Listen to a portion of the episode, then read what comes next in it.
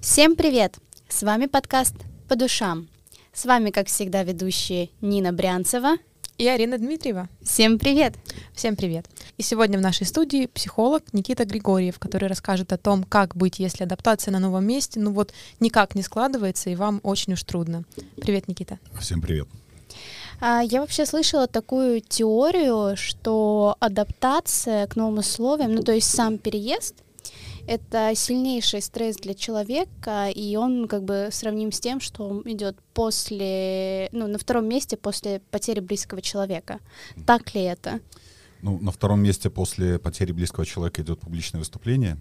О, а, да, для многих это очень жесткий стресс. Но если говорить про адаптацию, то да, переезд не только а, в новый город или новую квартиру. Иногда даже а, для человека поменять рабочее место, то есть вроде бы все то же самое, рабочие обязанности те же самые, но человек чувствует, что он начинает как там загоняться, меньше продуктивность. Uh-huh. Совершенно верно.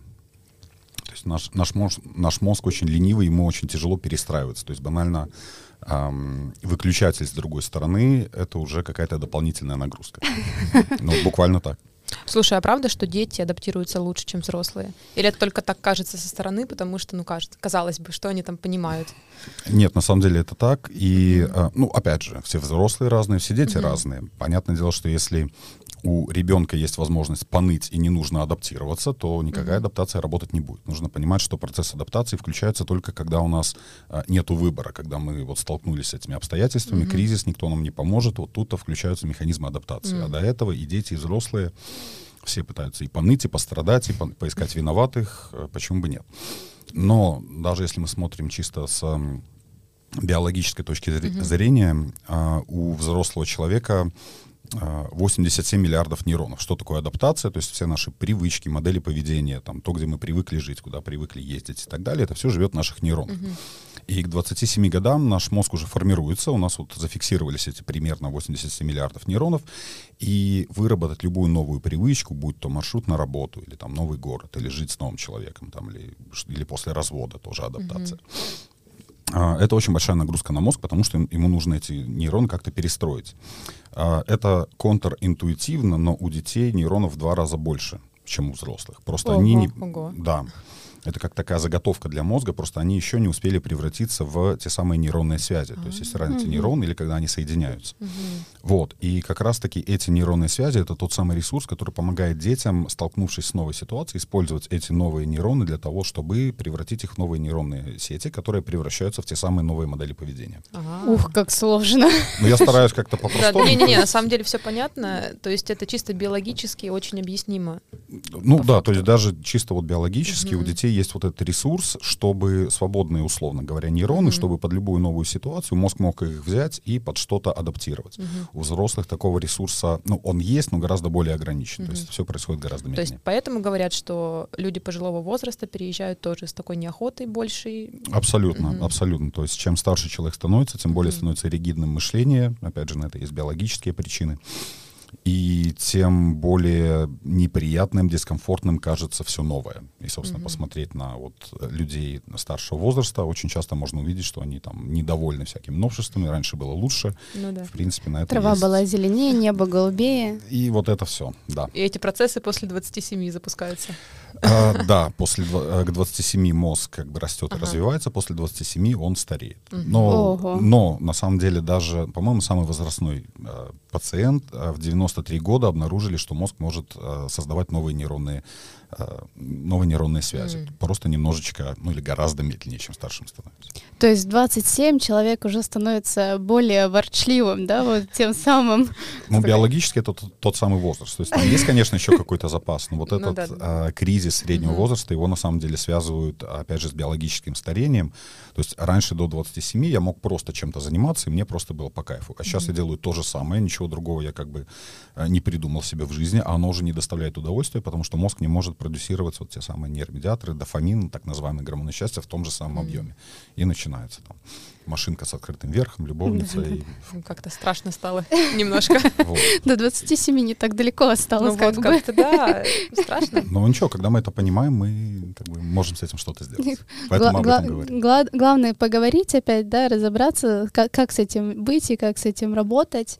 А, ну да, просто надо понимать тот момент, что хочешь, не хочешь, а мир, он все равно меняется, мир, он все равно, к нему надо адаптироваться, и мы в любом возрасте должны к чему-то привыкать, и это постоянный стресс для организма. Вот как сделать так, чтобы вот этот вот стресс, он стал более мягким, если можно так сказать, то есть mm-hmm. как вообще облегчить, да, облегчить этот процесс? Окей, okay. ну, во-первых, нужно понимать, что э, мир вот такой, как он сейчас, он никогда не был таким изменчивым, быстрым и стремительным. То есть mm-hmm. всегда говорю, что 200 лет назад, если я родился, ездят на телегах, умираю, ездят на телегах. Если я родился в семье кузнеца, я всю жизнь буду кузнецом, и никаких онлайн-курсов там «стань знатью за полчаса» вряд ли. Вот. А, и а, несмотря на то, что жизнь была тяжелее, но для мозга не было вот таких вот больших, а, ну как, информационных нагрузок. Mm-hmm. Там, если царь какой-нибудь поменялся, люди об этом только через пять лет узнавали, когда какие-нибудь купцы приехали. Mm-hmm. Не было интернета. Что вот, то сейчас мы сталкиваемся с таким объемом информации, который а, наш мозг, в принципе, биологически не приспособлен. И любые перемены, там те же самые переезд или там, ну, какие-то еще более драматические события, а, конечно, для нашего уже истощенного мозга это очень сильный удар. Вот. А, первое, что можно посоветовать, это не играть в бессмертного пони. А, есть такое, такое состояние выгорания, это как раз угу. избыточная нагрузка на нервную систему, угу. то есть можно растянуть мышцы, сломать ногу, а можно повредить мозг. Просто ощущается это не болью, а, там, раздражительностью, неостановимый поток мыслей и так далее, и так далее. Это, собственно, звоночки, что мозг пере, перегружен, mm и срочно нужно как-то нажать на, на, этот, на ручник, притормозить и дать себе как бы отдохнуть. А мы уже понабрали на себя ответственность. Проблема. Вот. И если раньше вот с этими симптомами у меня было пару человек в месяц, то сейчас 4-5 человек в неделю. То есть прям ага. эпидемия выгорания. Я думаю, опять же, по-моему, мы говорили об этом. Да, мы как раз-таки говорили на, в прошлом да, подкасте да, да, на эту тему. Прям эпидемия. То есть э, идея в том, чтобы да, понимать, что наш э, ресурс наших органов ограничен. Мы не можем поднять полторы тонны, мы не можем там пробежать 500 километров. Точно так же мы не можем об, обрабатывать такие объемы информации. любые изменения в нашей жизни для мозга это тоже какая какая-то информация, хоть мы рационально понимаем, ну что там, не знаю, маршрут на работу другой, или выключатель с другой стороны, или вот жили с одним человеком, сейчас с другим человеком, или ребенок родился, это адаптация, в том числе там, в страну в другую переехали. Но именно как э, для органа это огромная нагрузка, и важно понимать, что самое страшное вот для мозга это какие-то изменения. Ну, страшнее только смерть или вот или близкого человека, или публичные выступления. Вот. А, и давать себе право на то, чтобы быть неэффективным. Давать себе право по там, поваляться, поотдыхать, побездельничать, это именно те моменты, когда вот именно прям дни, когда у нас нету никакой когнитивной нагрузки. Потому что некоторые такие, я поехал в отпуск, а там э, какой-нибудь испанский подычу, книжку умную почитаю, надо же самое напоминает. Да, Арина? Это как я недавно съездила в отпуск и решила, что я там еще и поработать могу. И Такой я... вот отпуск получился. Да, да, да. Да, и, собственно, мы вроде как физически мы были, билеты у нас на самолет есть, все, а мозг, собственно, и не отдыхал, он занимался поглощением какой-то информации. Поэтому важно иметь в своей жизни что-то, хотя бы выходные, хотя бы один день в неделю, когда вот человек дает себе право на ничего не делание. Mm-hmm. Проблема современного мира, что мы прям все такие должны быть заряженные, супермены всегда. Да, продуктивность да. наше все, это вот эта история, и опять же эти книги про мотивашки, я их называю, это это такая антимотивация, на самом деле. Ты в какой-то момент заграешься, говорю, я читала эти книги в какой-то момент, и я прям такая, да, да, да, я все могу, и это, и пятое, и десятое, а по итогу проходит месяц, иногда месяц, это прям хороший срок, иногда неделя проходит, а ты чувствуешь себя настолько опустошенным. Ты такой, да нафиг оно мне все надо. Господи, да я буду просто лежать и ничего не делать. А потом я буду за это себя грызть, то, что я лечу, ничего да, не делаю. Да, самое ужасное, потому что начинается самообвинение. Да, мы да, уже да, ничем да, не заняты, но мозг занят этими самообвинениями. Мы неэффективны, но мозг все равно устает. Вот, и да, то есть давать себе право на там, отдохнуть, побездельничать мозгу нужно время, чтобы адаптироваться. То есть угу. что такое адаптация? В мозгу должны вырасти вырасти новые нейронные связи под, под новую uh-huh. задачу. Uh-huh. Как, я не знаю, всегда говорю, в Советском Союзе переучивали детей, там, левшей писать правой рукой. Мы, uh-huh. правши, мы тоже можем левой рукой пописать, что я, я напишу букву, мне будет очень некомфортно, мне будет неудобно. Но если я дам себе достаточно времени и ну, почему-то мне это нужно будет, мой мозг адаптируется, это значит, что там вырастут нейронные связи, uh-huh. которых раньше не было. Так вот, когда мы приходим в спортзал, не вырастают мышцы за один день и за месяц не вырастают. Mm-hmm. Туда нужно ходить полгода регулярно, чтобы организм немножечко начал, там, мышцы начали реагировать на нагрузки. А, то же самое наши нейроны, такие же клетки, которые, ну вот прочитали книжку или там переехали опять же на новое место или что-то еще, мозгу нужно время э, довольно длительное, опять же, кому-то месяц, кому-то полгода, кому-то несколько лет, чтобы э, привыкнуть. Причем для того, чтобы процесс адаптации проходил эффективно, повторю еще раз, очень важно отдыхать, давать себе вот эти э, дни или недели разгрузки. А смотри, ты говоришь вот про эти, ну, допустим, день лежания. А, тоже важно понимать. А, вот этот день лежания, он же, скорее всего, тоже должен быть вот без всяких информационных полей, а инстаграмчик, фейсбучик. То есть мы просто лежим, вот и на просто... природу съездить, вот выключить телефон, поехать, я не знаю, на полдня на пляж погулять, угу. там в лес, куда-то еще, прокатиться на машине, сесть в электричку, поехать в другой город, там погулять. То есть, то есть ну, не потреблять информацию. Вот, идея именно, да. То есть нам кажется, так я ж отдыхаю. Да. Там же котики и что там еще в Инстаграме. Ну, все вот это вот.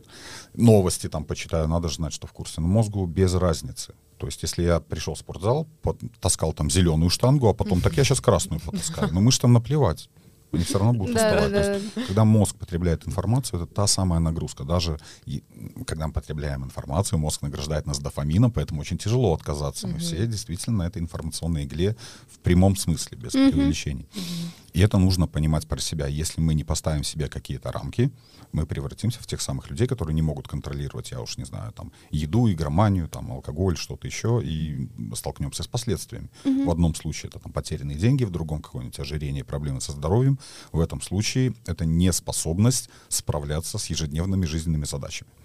Вот mm то самое выгорание. То есть люди теряют вкус жизни, они в магазин не могут сходить, им нужно заставлять себя с утра там, не знаю, помыться, зубы почистить. Мозг не в состоянии делать обычные дела, потому что он истощен. То есть вот мы все время приходим к тому, э, мы все время во время нашего разговора мы сейчас приходим к тому, что адаптация в целом может привести к выгоранию, если мы не будем э, правильно отдыхать и разгружать свой мозг. То да, есть также вот я сейчас переехала вот буквально на днях э, из одной квартиры в другую. Угу. Помимо того, что это физически тяжело, а помимо еще переезда-то есть обязанности по работе, какие-то тренировки. Да, это никто не отменял. Да, и как бы я прям чувствую, что сейчас я в таком состоянии нестояния. И вот это как раз-таки ощ- очень ощутимо сейчас и в работе, и в целом в жизни. Я понимаю, что я сейчас вечером приду, и мне надо просто тупо лежать. Но вот, я, вот этот момент просто лежать, угу. это всегда происходит так, что у меня в руках телефон. Это тоже адаптация. Если мы просто не лежали у нас не было такого в течение последних нескольких лет, угу. мозгу тоже нужно привыкнуть, что я имею право лежать, ничего не делать. То же самое. То есть мозг уже привык, что как только там свободная минутка, рука тянется в карман, и ну, опять же, то есть это ну, в привычка. буквальном смысле зависит. Привычка, да, это действительно вот просто привычка, но это настолько безобидное слово, но оно вот буквально может там и судьбы, и жизни портить, и семьи, и так далее. Я всегда привожу такой пример, вот прям преувеличенный про адаптацию. Mm-hmm. Мой любимый пример про бомжа Васю. Так, звучит интересно. Если мы возьмем бомжа Васю, отмоем его, поселим во дворе с золотыми унитазами, устроим его учиться в Гарвард, купим ему билеты, билеты в Англию, там, в Лондон или куда, скажем, все, началась новая жизнь, давай, и оставим его там. Что мы обнаружим на следующий день?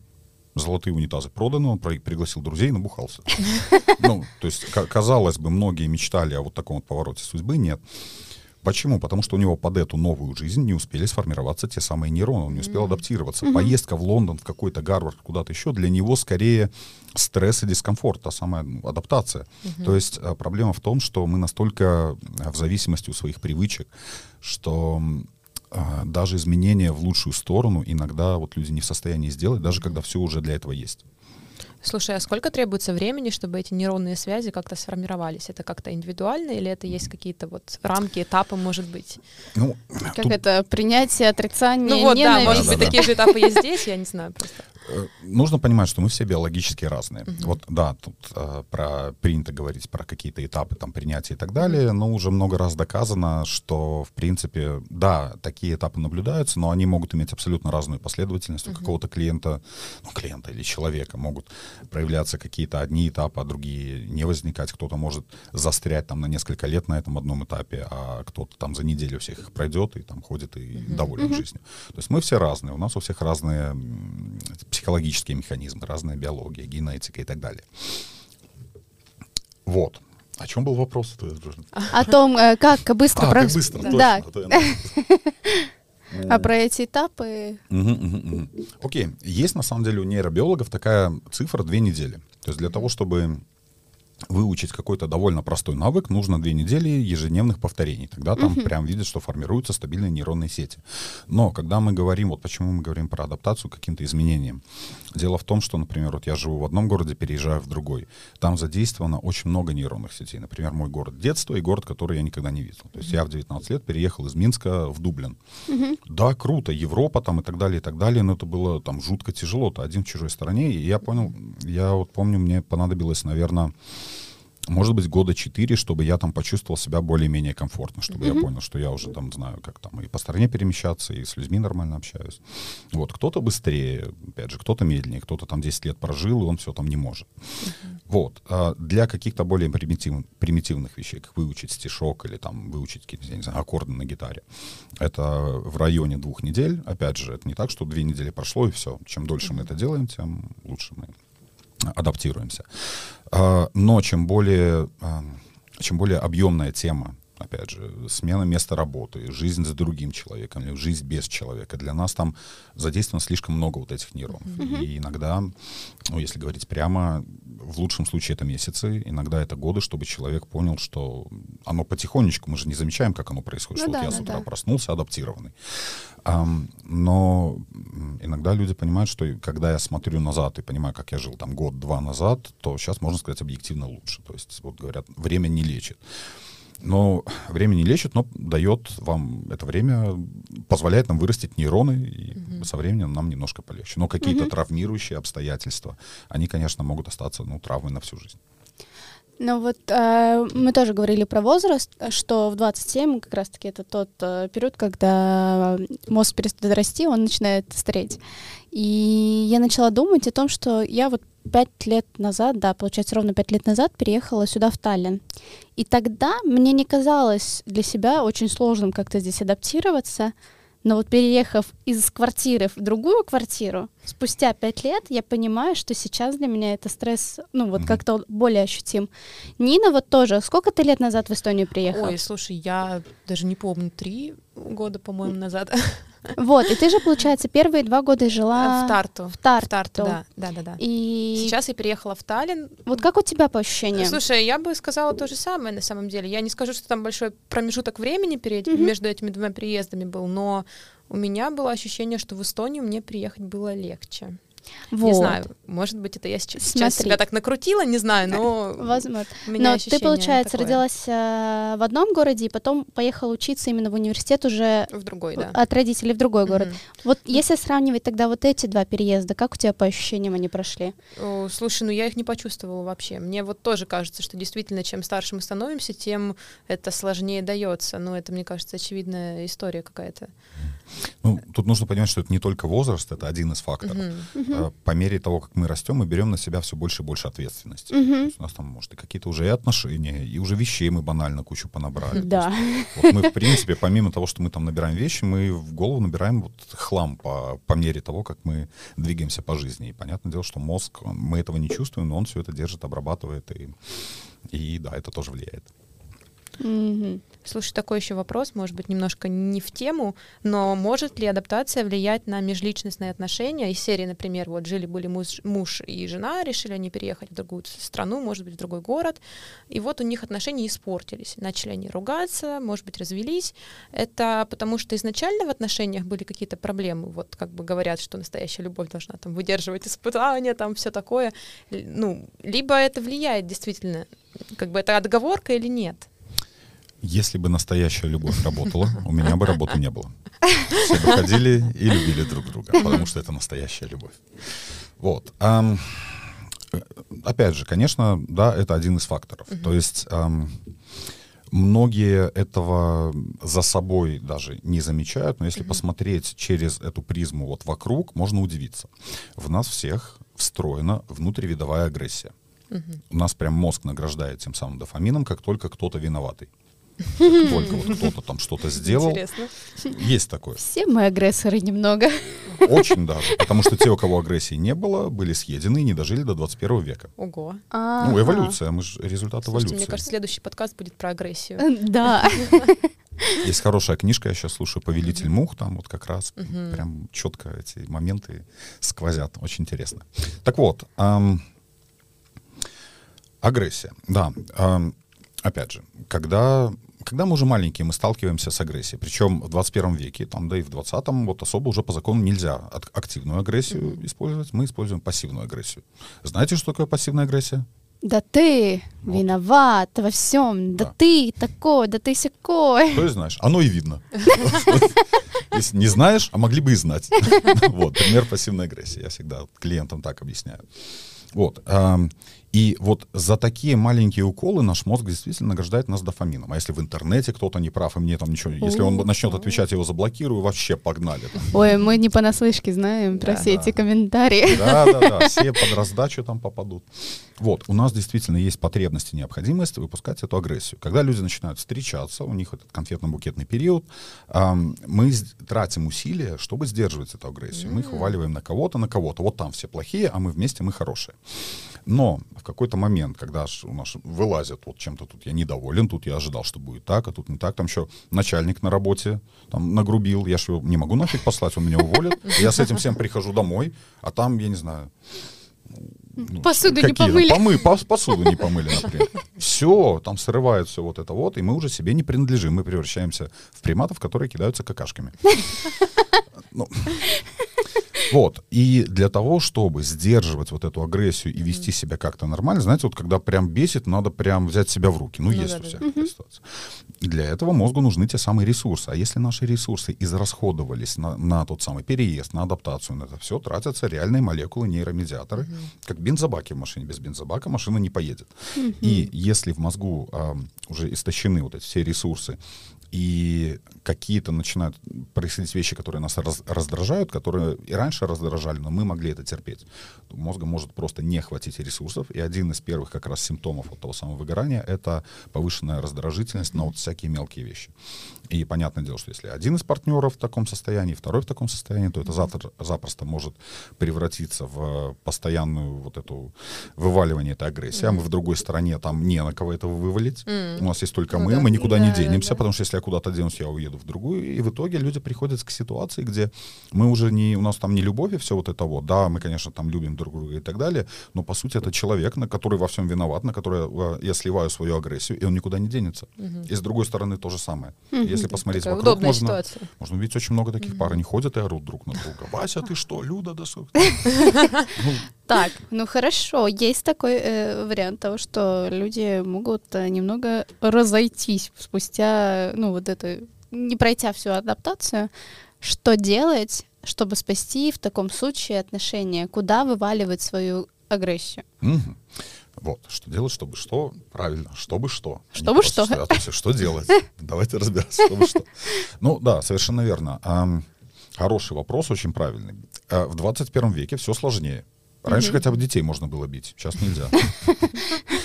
Ну, в школе прям там их Ну да, там Дубасили. э. Линейкой. Линейкой, Да. Вот. Я не говорю, что это Розгами. хорошо, но вот были такие социально приемлемые инструменты. Сейчас только попробуй. Дети там на родителей собственных вызывают. Ну. Вот. а, но, опять же, а, есть куча доступных способов, которые могут показаться странными. Ну, извините, если мы животное увидим, что оно в клетке бегает по кругу, это странное поведение. Да. А человек бегает на какой-то до- там дорожке. Не странно. Ну да, нормально в целом. Вот, то есть есть причина, почему люди это делают. Точно так же, а, для того, чтобы наш организм, наш мозг почувствовал, что мы эту агрессию куда-то выпустили, ему в идеале, конечно, предъявить эту агрессию тому человеку, которому она принадлежит. Иногда, ну, опять же, там иногда под горячую руку и родители попадают. Mm-hmm. Там есть такой мемчик в интернете, что после похода к психологу я там иду к этому родственнику. да. Вываливать им все. Ну, я всегда говорю, что да, может, там можно найти вину родителей, но виноваты не родители, а их родители, которые их такими сделали, и тех родителей. То есть вопрос не в том, кто виноват. Вот. Мозгу наплевать, организму наплевать, нам нужно куда-то это все вываливать. Компьютерные игры. Есть исследования, большое количество исследований, исследований которые говорят, что э, ком- агрессивные компьютерные игры, стрелялки, шутеры, они э, уменьшают количество инцидентов там буллинга в школе и так далее. То есть, когда... Воу. Да, потому что в Э, определенных э, средствах э, массовой информации там часто фигурирует информация, что наоборот это вот все из интернетов да, этих да. вот оттуда. Ну, я согласен, что если бы мы жили в другом мире и нас изолировать от всякого там, а, от примеров агрессии, от боевиков, чего-то еще, ну, мы будем между собой как-то реализовать свою агрессию, как это делают животные, как это делали раньше. Вот детей раньше били. Сейчас есть способы вот сублимировать, то есть дать мозгу то, что ему нужно, но более безопасным способом. Мгм. Мочить там этих ботов там, или онлайн-игроков. Э, Банальный способ физические нагрузки. То есть что такое агрессия? У нас в крови повышается количество адреналина. Адреналин включает центры агрессии.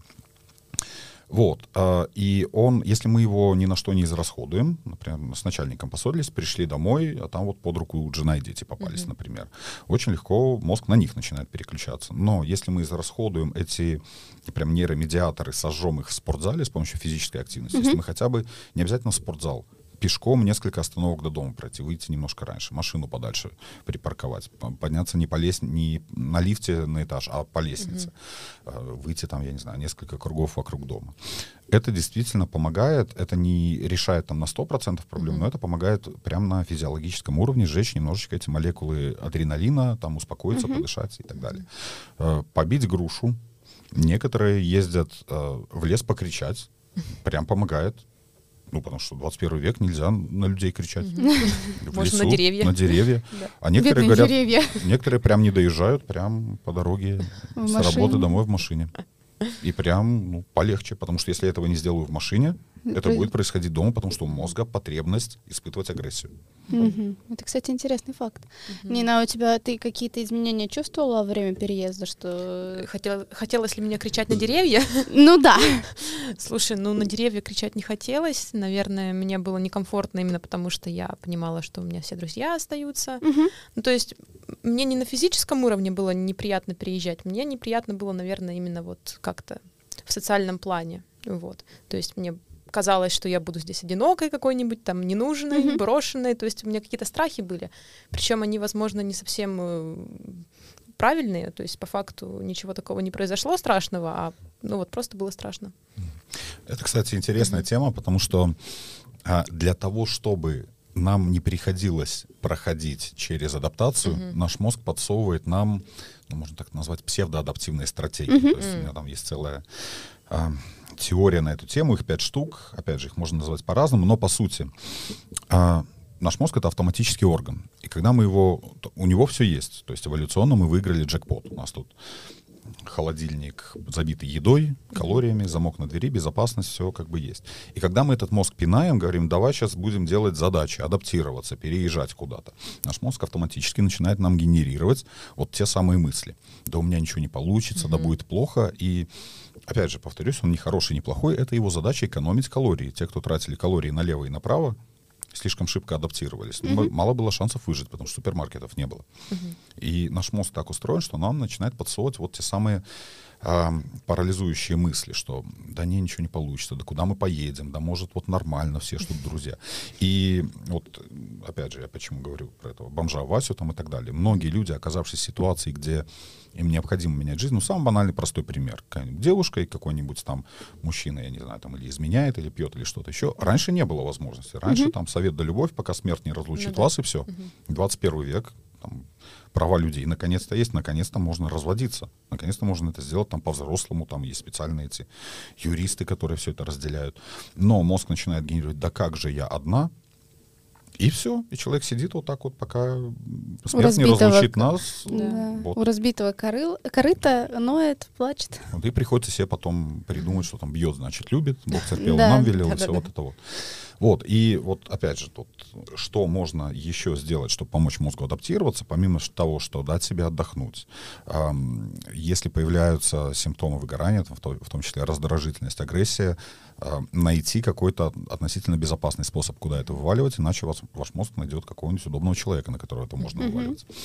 Вот, и всегда говорю об этом, в прошлый раз, по-моему, тоже говорили, пописать вот, например, если мозг начинает подсовывать, вам нужно что-то сделать, например, приехали в другую страну там, или что-то еще, как же я тут буду?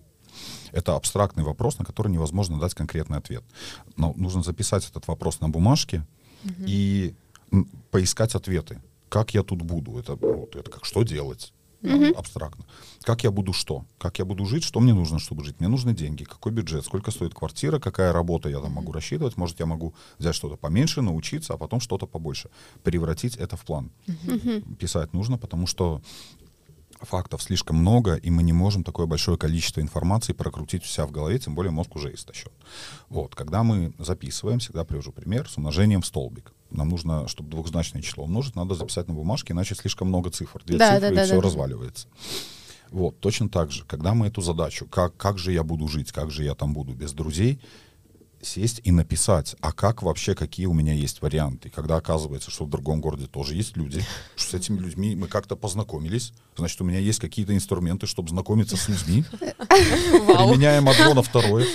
Вот, и сам, вроде бы, вот опять же, клиенты приходят, мы с ними об этом говорим, у них вот такие глаза, боже, так все ж логично, что тут, и так же все понятно. Все так просто, да? Как... Вот, но проблема в том, что сидя, страдая и слушая вот эти автоматические мысли нашего мозга, мы не можем сгенерировать эти позитивные мысли. Нам нужно мозгу немножко помочь. Угу. Когда мы помогаем мозгу зафиксировать вопрос, как же я буду жить, и фокусируясь на нем, ищем какие-то ответы, превращаем их в список, это, это тоже помогает мозгу среди этих страхов увидеть план, увидеть мотивацию и понять, что ну, как бы есть причина, почему я двигаюсь, не все так плохо, mm-hmm. и пе- пере, ну, помочь себе перестать ухудшать ситуацию, потому что адаптация это по умолчанию так тяжело, мы ухудшаем ситуацию, когда мы еще додумываем, с, додумываем mm-hmm. усугубляем, придумываем, как все будет плохо. Это как мимасики есть. Э, разговор парня с девушкой, и парень говорит, мол, не накручивай себя. В этот момент у девушки уже вертолеты крутятся над головой. Не накручивай себя. Так и так и бывает. Да. Не, я прям сама по себе знаю, что вот стоит какой-то одной мысли прийти в голову, и все, бессонная ночь, здравствуй, просыпание несколько раз за ночь, типа, ой, а что там по мыслям, собственно говоря. И это, конечно же, прям ну, выводит тебя из колеи, из твоей обычной колеи. И я вот, допустим, я пошла на танцы. А, я до этого танцевала очень много лет. Приехав сюда, в Таллин, ну, из-за работы, из-за учебы мне просто не было возможности. Сейчас, когда все стало стабильно, я такая, ну, как бы я понимаю, что я эмоционально уже не вывожу, надо что-то делать. И я вот пошла на танцы, и я прям почувствовала, как мне стало легче жить. Ну, это вот, самая физическая активность. Это вот а, оно стало легче жить. А одно дело физическая активность, но это физическая активность, которая тоже она должна тебе подходить. Нет, конечно. В конечно. зале я вот я сколько раз пыталась, у меня купленный годовой там абонемент, но я не могу себя туда заставлять да, ходить. Почему я говорю, что да, идея в том, чтобы найти что-то, что можно легко интегрировать в жизнь. Даже кому-то тяжело просто найти время, чтобы куда-то пойти, это же нужно доехать, банально пройтись пешком до работы или с работы домой, банально да. вместо лифта взять лестницу.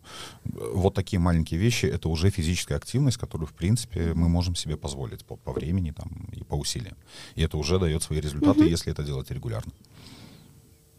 Не, ну я прям для себя сейчас открыл много всего интересного. Ну да, лайфхаки полезные. Практические, да. простые и которые очень, да, очень что... будут полезны, мне кажется. Так что те, кто собирается переезжать, либо уже переехал и сейчас с этим борется, вот, берите на заметку. Да, сказать. и выводите агрессию в какое-нибудь другое русло, не на своего любимого человека, не да. на своих близких. Ставьте лайки, подписывайтесь на канал. Да, да, да, да, да, все правильно. Но я думаю, мы с Никитой еще не прощаемся. Мы говорим до следующего выпуска. Да, у нас еще много тем. Назревает. Про агрессию можем подробно поговорить. Э, да, да, да. А, всем спасибо большое за то, что послушали нас. Мы надеемся, что для вас этот подкаст оказался таким же полезным, как и для нас с Ниной. Да, всем спасибо. Всем пока. Всем спасибо, всем пока. Все, пока.